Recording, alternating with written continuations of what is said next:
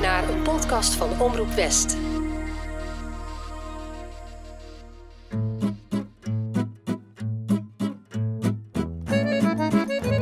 Bonjour, mijn naam is Tess. En leuk dat je luistert naar het tweede seizoen van Enchanté, de chanson podcast. Dit is aflevering 3. Dochters.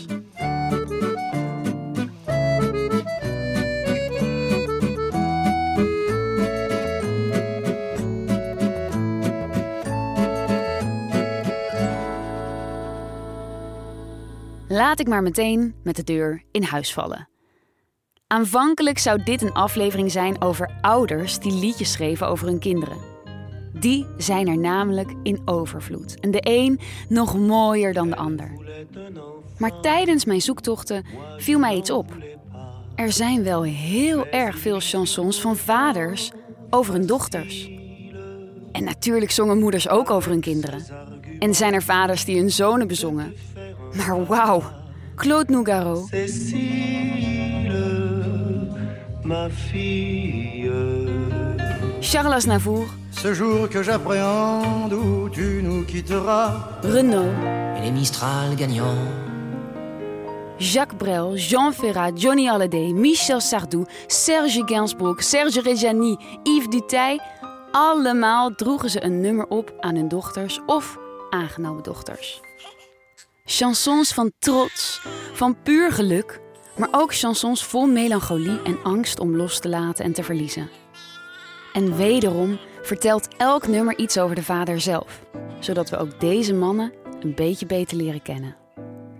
En we beginnen met vaders die een heel andere kant van zichzelf leren kennen wanneer ze plotseling een klein meisje in hun armen hebben. Waar gaan we het over hebben? Over toen ik geboren werd. Want jij was, jij was enigst kind. Ja, ik, ik was enig kindje. En mama was een van een soort van je eerste vriendinnetjes of zo. En je was 33 toen je mij kreeg. Dus zo oud als ik nu ben. Ja, ja, precies op de helft. 33, 66. Echt? Ja. Nou, voilà. Ja. Ja. En toen kreeg je opeens een dochter. En wat voor een. Is dat negatief of positief? Meestal positief toch, Tess? Hè? Ja, ik hoop het. Maar het lijkt me zo raar als je dan... Want jullie reden naar het ziekenhuis. Jij rijdt Ja. met mama naar het ziekenhuis. Ja. En je komt terug met z'n drieën. Plankgas. Plankgas in het ziekenhuis. Ja, was het nodig? Door het rode licht. Oh, echt? Ja, de mensen die, die wezen naar de hoofd dat ik zo hard reed.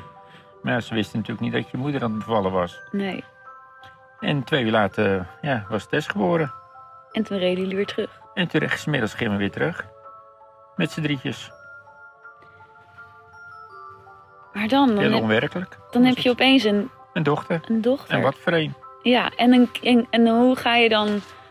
Want je hebt opeens heel, heel veel verantwoordelijkheden. Gaat dat natuurlijk? Ja, dat gaat gewoon vanzelf. Was je heel erg beschermend? Vind je jezelf heel beschermend toen ik klein was? Ja, dat was ik zeker, ja. Claude Nougaro heeft niet per se een kinderwens wanneer hij als middentwintiger voor het eerst optreedt in Au Lapin Agile in Parijs. Hij is met heel andere dingen bezig. Zijn grote liefde en passie zijn de Franse taal en de muziek. Claude wordt een vast onderdeel van het muzikale gezelschap van het illustere cabaret Au Lapin Agile in Montmartre. Avond na avond klinken er vanuit het kleine theatertje aan de Rue Saint-Vincent chanties, drankliederen en de gedichten en chansons van Claude Nougaro. Dans une ferme du Poitou, un coq une pendule. Au Lapin Agile is een grote familie voor Claude. En niet in de laatste plaats vanwege Sylvie, een van de gastvrouwen, waar hij smoor verliefd op wordt. En Sylvie is ook op hem. Maar zij heeft wel een kinderwens. En zo wordt Claude Nougaro in 1962 vader van Cécile. Hij is compleet overrompeld door dit kleine wezentje en zijn enorme gevoel van liefde voor haar. Het resulteert, zoals dat wel vaker gaat bij muzikanten, in een liedje. Nog geen half jaar na de geboorte van Cécile wordt het liedje Cécile ma fille Claude's eerste grote succes. Elle voulait un enfant, moi je n'en voulais pas. Mais il lui fut pourtant facile, avec ses arguments, de te faire un papa. Cécile, ma fille. Ouders herkennen zich meteen in zijn woorden. En vaders misschien nog wel het meest. Ja, hij verloor vaak zijn hart aan meisjes. Maar nooit zoals hij nu zijn hart aan haar verliest. Hij weet dat er een moment zal komen dat hij de hele nacht wakker zal blijven om haar in de ochtend thuis te horen komen. Tot die tijd kijkt hij naar zijn kleine dochter, die veilig in haar vaders bijzijn ligt te slapen. Cécile, ma fille. Je luistert naar Enchanté, de chanson podcast. Wie ook zijn hart aan een dochter verliest, is Johnny Holiday. Johnny Holiday, de Elvis van Frankrijk. Het sekssymbool van de rock and roll periode en lang daarna. Met extra strakke leren broeken, diep uitgesneden veehalzen en stadionshows vol vuurwerk en luid meezingende menigte.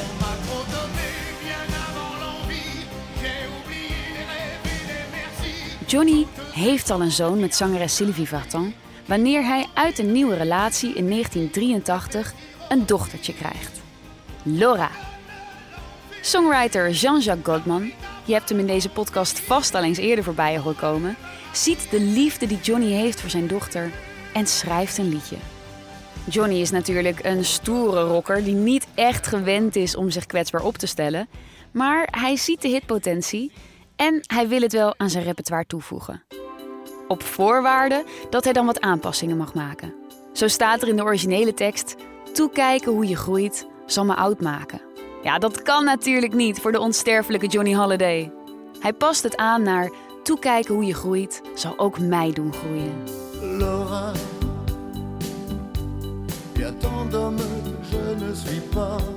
De afbeelding op de hoes van de single is een kindertekening van een huis. Burgerlijker kan het bijna niet, Johnny. Maar het raakt miljoenen ouders direct in het hart. Net als na de hit van Gilbert Bécaud ontstaat ook dit keer het Nathalie-effect. Na het uitkomen van het liedje worden er opvallend veel Laura's geboren. Moi je ne. Als er in de jaren 70 een protestzanger is die door het Frans publiek op handen wordt gedragen, dan is het Renaud.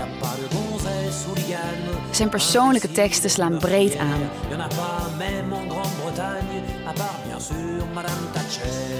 Het is zowel de taal van de straat als pure poëzie. vos médailles ne sont que fientes de pigeons, de la merde. Jonge studenten vinden hem helemaal te gek. Maar ook stoere mannen met hun armen vol tatoeages, hartscheurend op een Harley Davidson. Velen herkennen zich in zijn zowel maatschappijkritische als humorvolle liedjes. Als er heilige huisjes omvergeschopt moeten worden, dan loopt Renault met zijn leren jek en zijn boerenzakdoek voorop. Op een dag, in augustus 1980, verliest hij plots een groot deel van zijn spreekwoordelijke wilde haren. De reden? De geboorte van zijn dochter Lolita. Il y a un mariole, il a au moins 4 ans. De wereld is nog steeds een zooitje. Maar met haar erin komt het leven Renault een stuk mooier voor. Zijn rock en roll leven verandert in dat van een rustige huisvader die urenlang achter de wandelwagen doorbrengt.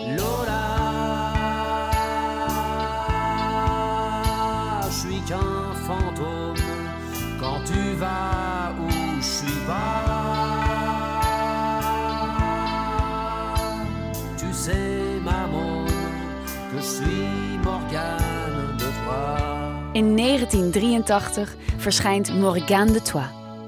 Dolverliefd op jou in het argot. Een liefdesverklaring aan Lolita. Zo persoonlijk hadden we Renault nog nooit gehoord. En hij is nog niet klaar. Nog lang niet. Een paar jaar later is Renault in Los Angeles om aan zijn nieuwe album te werken. Wanneer er s'avonds laat in de studio nog een nieuw nummer wordt gemixt, zit hij zich onnoemelijk te vervelen. Hij mist zijn dochter bovendien verschrikkelijk. In een hoekje van de studio pent hij enkele zinnen neer over een fictief moment met Lolita.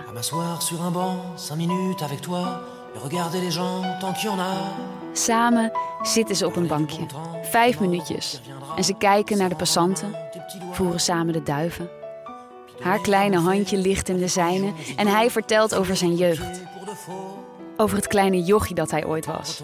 En de snoepjes die hij pikte. Waaronder de zogenaamde Mistral Gagnon. Een zakje met een soort zoet en zuur suikerpoeder dat je met een rietje opzoog.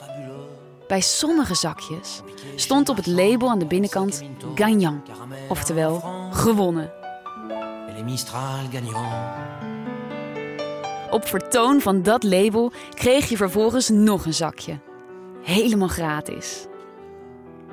Het staat symbool voor zijn onbezorgde kindertijd. Samen met zijn broers en zussen spelend, rennend door de straten, stilhoudend bij de bakkerswinkel, neuzen tegen de etalageruit om alle snoepjes te kunnen zien liggen. In Lolita ziet Renaud zijn jeugd terug. Maar de reflectie in haar ogen laat ook een volwassen, misschien zelfs oude man zien, wiens kindertijd ver achter zich ligt en nooit meer terugkomt.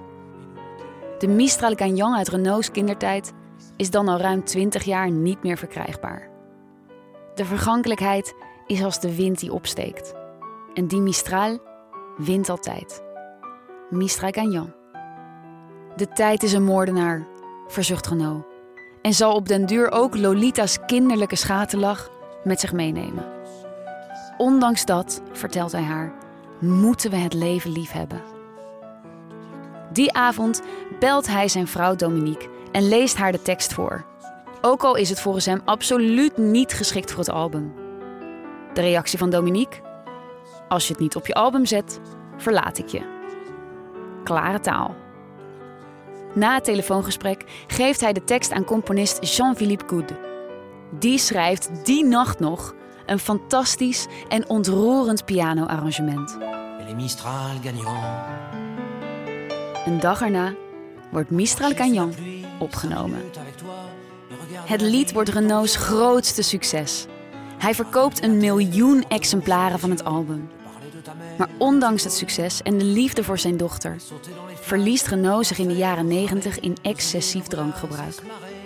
De melancholie die Mistral Gagnon zo mooi maakt, wordt de zanger soms gewoon veel te veel.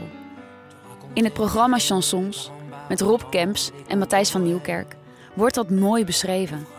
In een gesprek met Dave stellen ze: Melancholiek zijn we allemaal wel eens een keer.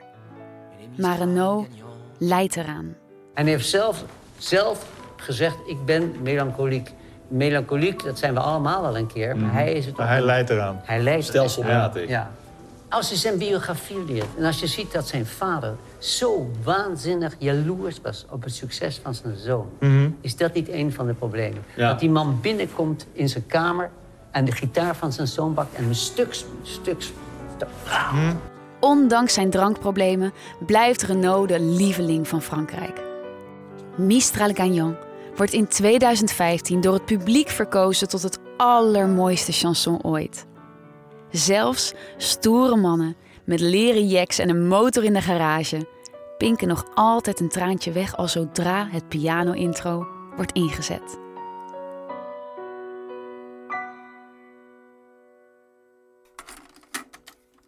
Sorry dat ik je nu uit de pracht van dit mooie nummer moet halen. In de aankondiging na de vorige aflevering zei ik al dat deze aflevering misschien nogal ongemakkelijk zou kunnen zijn. Maar misschien is die ook meer dan dat. Dus hierbij een trigger warning. Dit verhaal kan als schokkend worden ervaren. Luister je liever niet, spoel dan even vijf minuutjes door. Dit is het verhaal van Serge Gainsbourg en het nummer dat hij opnam met zijn dochter Charlotte. Laat ik vooropstellen. Serge was een goochelaar met woorden en muziek. Hij bewoog mee met de tijd, maar zwom tegen de muzikale mainstream in. Op kunstzinnig niveau kon je hem een genie en een gek noemen. Maar hij was ook een eikel, die vooral leek te willen schofferen en chockeren. Daar trok hij niet alleen zijn geliefdes en vrienden en vijanden in mee, maar ook zijn jonge tienerdochter. Serge weet in 1985 weer grote opschudding te veroorzaken met een lied dat een nog groter schandaal vormt dan Je t'aime moi non plus.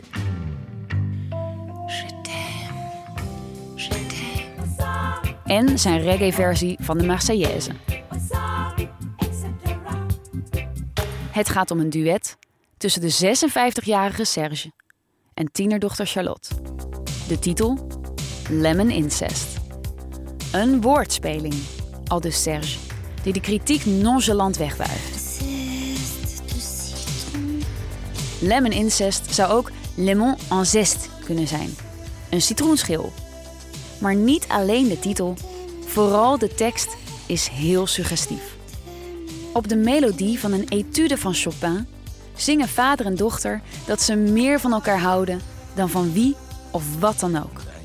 Maar ook, en hier wordt het echt chockerend, de liefde die ze nooit zullen bedrijven, zou de meest zeldzame, verontrustende en pure liefde zijn. De gedachte hieraan lijkt in het nummer te worden verheerlijkt.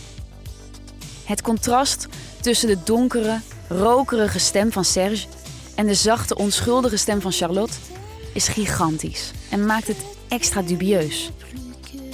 Tel daarbij op een net zo suggestieve videoclip en je begrijpt waarschijnlijk net als ik heel goed waarom ontzettend veel mensen vervuld zijn met afschuw. Critici noemen het onder andere onvoorstelbaar creepy, obscene en ronduit bizar. Gainsbourg blijft volhouden dat het een totaal goedaardige liefdesverklaring van een vader aan zijn dochter is. Mama Jane Birkin noemt het nummer wel a little dodgy, maar heeft er verder ook geen grote problemen mee. En Charlotte zelf? Ja, die krijgt eigenlijk vrij weinig mee van alle commotie. Zij zit ten tijde van de release op een kostschool in Zwitserland. Charlotte heeft vandaag de dag ook een duidelijk standpunt. Zij heeft zich altijd gesteund en op de juiste manier geliefd gevoeld door haar vader. En ik vind het een enorme opluchting dat dit opzienbarende debuut en haar vaders eeuwige chockerende gedrag Charlotte schijnbaar op geen enkele manier in de weg heeft gestaan. Sterker nog, als je naar haar succesvolle carrière kijkt, heeft ze zeker iets van de provocatieve smaak van haar vader geërfd. Onder het mom van kunst is veel geoorloofd. Maar ik vraag me toch af waar het uitbuiten van de shockwaarde voor artistieke expressie de ethische grenzen overschrijdt. We zijn inmiddels bijna 40 jaar verder en sinds MeToo is er meer bewustzijn rondom seksueel grensoverschrijdend gedrag dan ooit tevoren. Vandaag de dag zou het ondenkbaar zijn dat een nummer als Lemon Incest zou worden uitgebracht. Gainsbourg zou ongetwijfeld gecanceld worden. Maar ja, dat zou dan waarschijnlijk ook precies zijn bedoeling zijn geweest.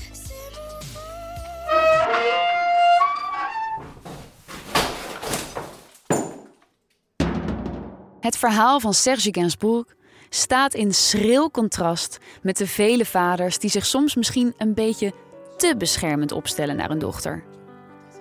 Maar tussen die twee categorieën bevindt zich het gros van de vaders, die proberen afstand te bewaren, maar leidzaam toezien hoe hun ooit kleine meisje plotseling uitgroeit tot een vrouw.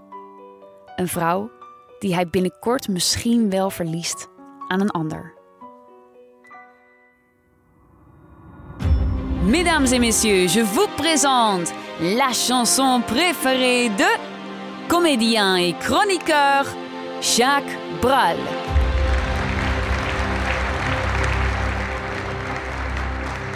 Hey Tess, dag luisteraars, met Jacques Bral hier. Mijn favoriete Franse chanson komt uit een Franse film uit 1981. Die film heet Les uns et les autres. Après cinq ans de préparation et un an de tournage à travers le monde, les uns et les autres, 120 comédiens, 200 danseurs, 10 000 figurants et 3 heures de spectacle pour rire et pleurer. De een en de andere. Het zijn vier muzikale families uit Frankrijk en Duitsland en Rusland en Amerika. Die worden gevolgd in hun leven na de Tweede Wereldoorlog. En te midden van de verschrikkingen van de oorlog proberen al die mensen hun leven te leiden. Maar de ene is nazi-pianist, de ander wordt afgevoerd naar een concentratiekamp. En het enige dat ze bindt is de muziek. Er zit onder andere een waanzinnige uitvoering van de Bolero in deze film. En het is een van de meest indrukwekkende films die ik ooit heb gezien. En zelfs als ik er nu nog kijk, dan word ik overmand door de liefde voor de film die daar uitspreekt. En eh, door het verhaal dat mensen uit alle windstreken verbindt. Het is een liefdeslied wat ik heb uitgezocht, zoals het eigenlijk maar één kan zijn. En het is dan ook een echt chanson. Geschreven door een der groten uit de Franse liedkunst, Michel Legrand. De man die zo'n beetje eigenhandig de halve Franse filmmuziek heeft uh, geschreven. Een ongenadig goede componist, een goede arrangeur en een goede dirigent ook.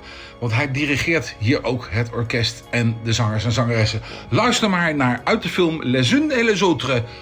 Un parfum de fin du monde. Dis,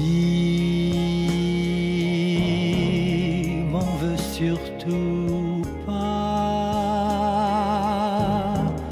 si ma chanson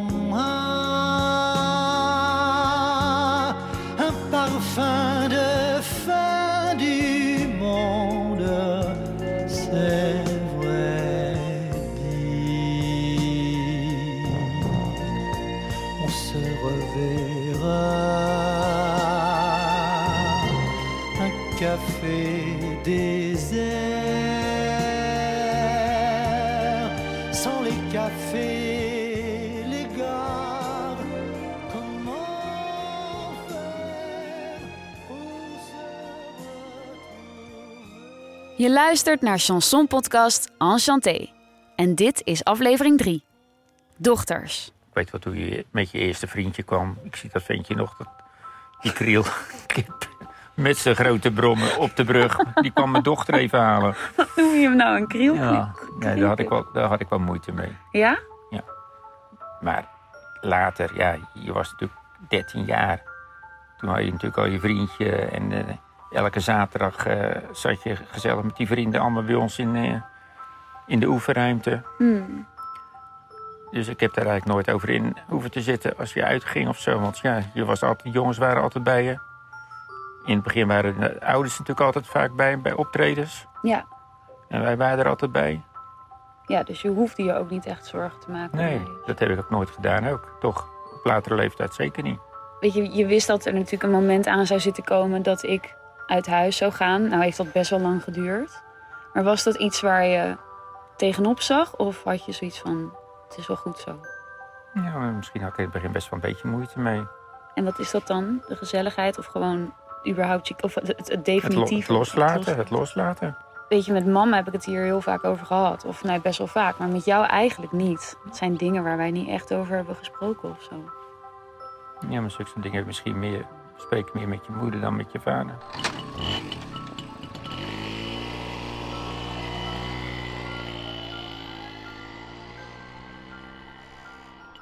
In 1964 bezingt Charles Aznavour hoe hij voor zich ziet dat zijn dochter op zichzelf gaat wonen en hem en zijn vrouw alleen achterlaat. Zijn eigen dochter is dan 17 jaar oud en hij weet dat de dag die hij beschrijft waarschijnlijk niet heel ver weg meer is. Maar dat is eigenlijk niet het ergste. Je sais jour viendra, car la vie le commande. Nee, de man die haar van hen weg zal nemen, hij is eigenlijk het grote probleem. Hij weet niets van de aandacht en de liefde die haar ouders haar hebben gegeven. Hij zou een deel van het gezinsgeluk stelen. Aznavour haat hem.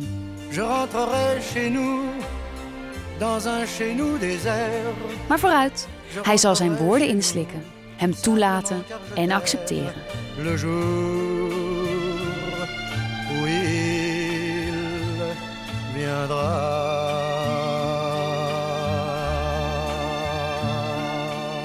Uit liefde voor zijn dochter sluit hij vriendschap met de vijand.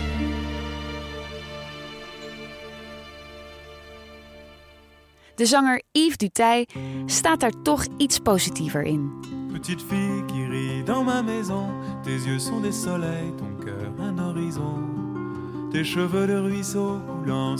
Hij heeft ook nog nooit zo'n diepgaande liefde gevoeld, zingt hij in 1979. Un grand vent est entré dans ton cœur un matin pour chasser les nuages. Terwijl zijn dochtertje slaapt, speelt hij zijn liedjes voor haar. En zingt hij dat hij de man die ooit om haar hand zal vragen, nu al als zijn vriend ziet.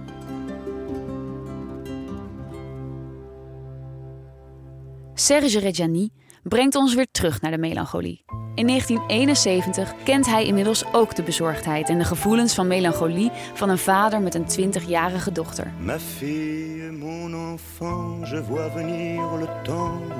In Ma Fille richt hij zich direct tot zijn dochter. Hij weet dat ze hem zal verlaten.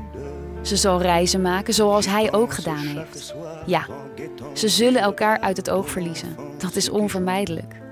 Maar hij hoopt ook vurig op een weerzien. En dan wordt dat kleine meisje opeens een vrouw. En ja, ze zal van iemand anders houden.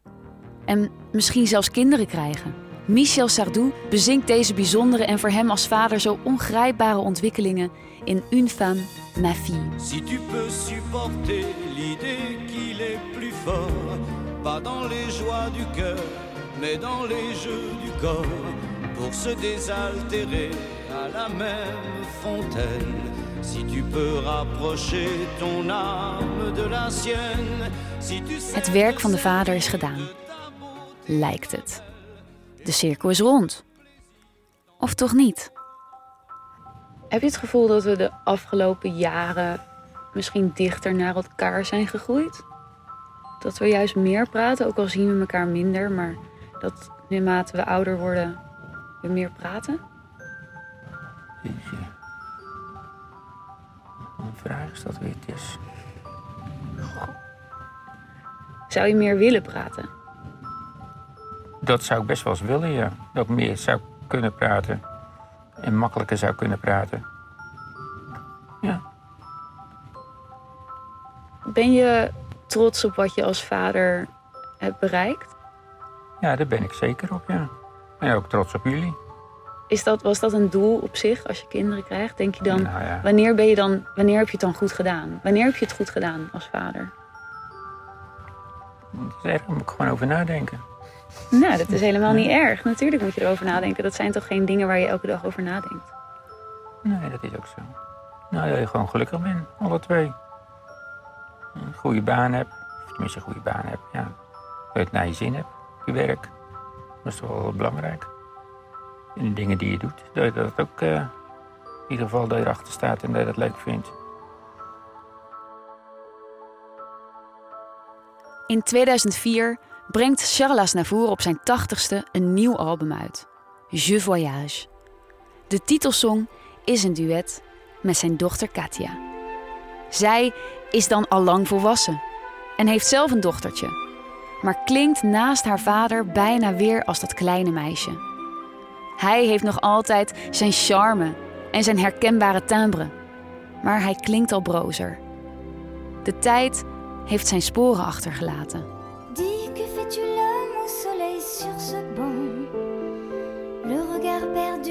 Sous tes cheveux d'argent Je regarde fuir mes ultimes printemps, emporté par mille chevaux blancs.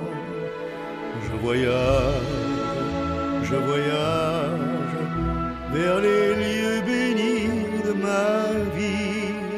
Wat Reggiani zo mooi verwoordde, is voor deze vader en dochter werkelijkheid geworden.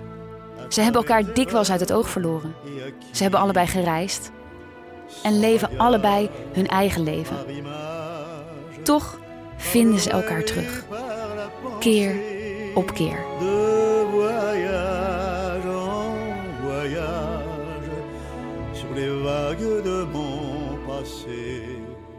Ook vandaag de dag wordt er nog genoeg prachtige en te gekke Franstalige muziek gemaakt.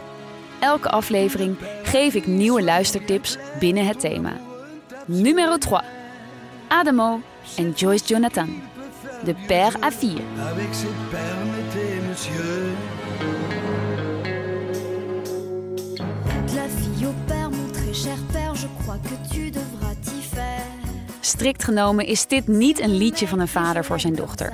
De Belgische zanger Adamo, die kennen we natuurlijk. En die heeft op geen enkele manier een bloedband met popzangeres Joyce Jonathan. Toch is dit duet uit 2016 een gesprek tussen een vader en een dochter. En dat gaat natuurlijk over het vermalendijde vriendje dat de vader niet kan uitstaan. Een veel te leuke samenwerking tussen een wat oudere en een nieuwere artiest die ik je niet wilde onthouden.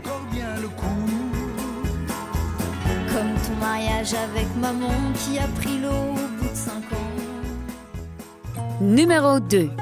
Vianney, Beau Papa.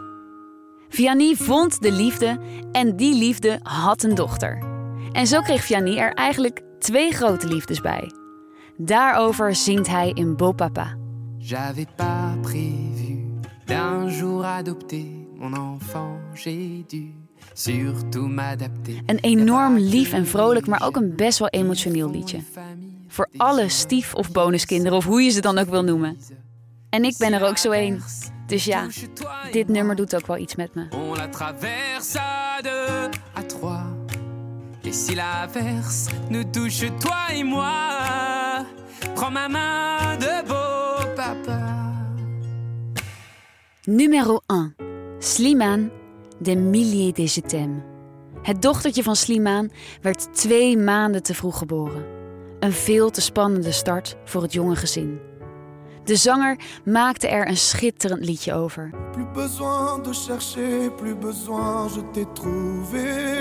Waarin zowel wanhoop als heel veel liefde te horen is. Als je pijn hebt, dan vind je in mijn armen duizenden woorden die zeggen dat ik van je hou. Eén van de allermooiste liedjes van dit moment, als je het mij vraagt. ton petit cœur à la traîne. Tu as de la peine, tu trouveras dans mes bras des milliers de je t'aime.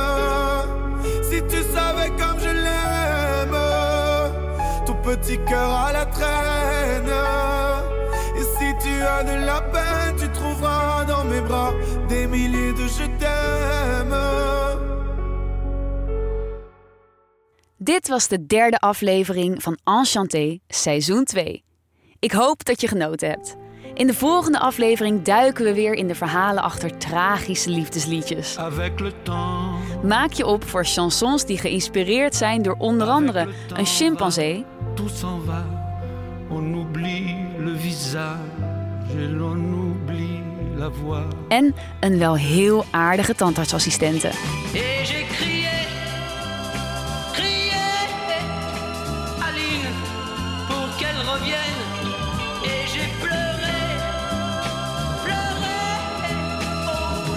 Wil je alle chansons beluisteren die in deze aflevering langskwamen en nog veel meer liedjes horen van zowel vaders als moeders over hun kinderen? In de show notes vind je een linkje naar een playlist. Want zoals ik al zei, ze zijn er in overvloed. Heb je vragen, opmerkingen of tips? Stuur ze naar podcast.omroepwest.nl De intromuziek is van Leon Siebem en mij met accordeonspel van Lars Visser. De podcast is geëdit door podcastcoördinator Richard Grootbot. Ben je nou nog niet geabonneerd op deze podcast? Doe dat dan nu. En laat een beoordeling achter. Dat maakt dat de podcast sneller zichtbaar is voor andere luisteraars. En hoe meer luisteraars, hoe meer joie de vivre. Merci et à bientôt!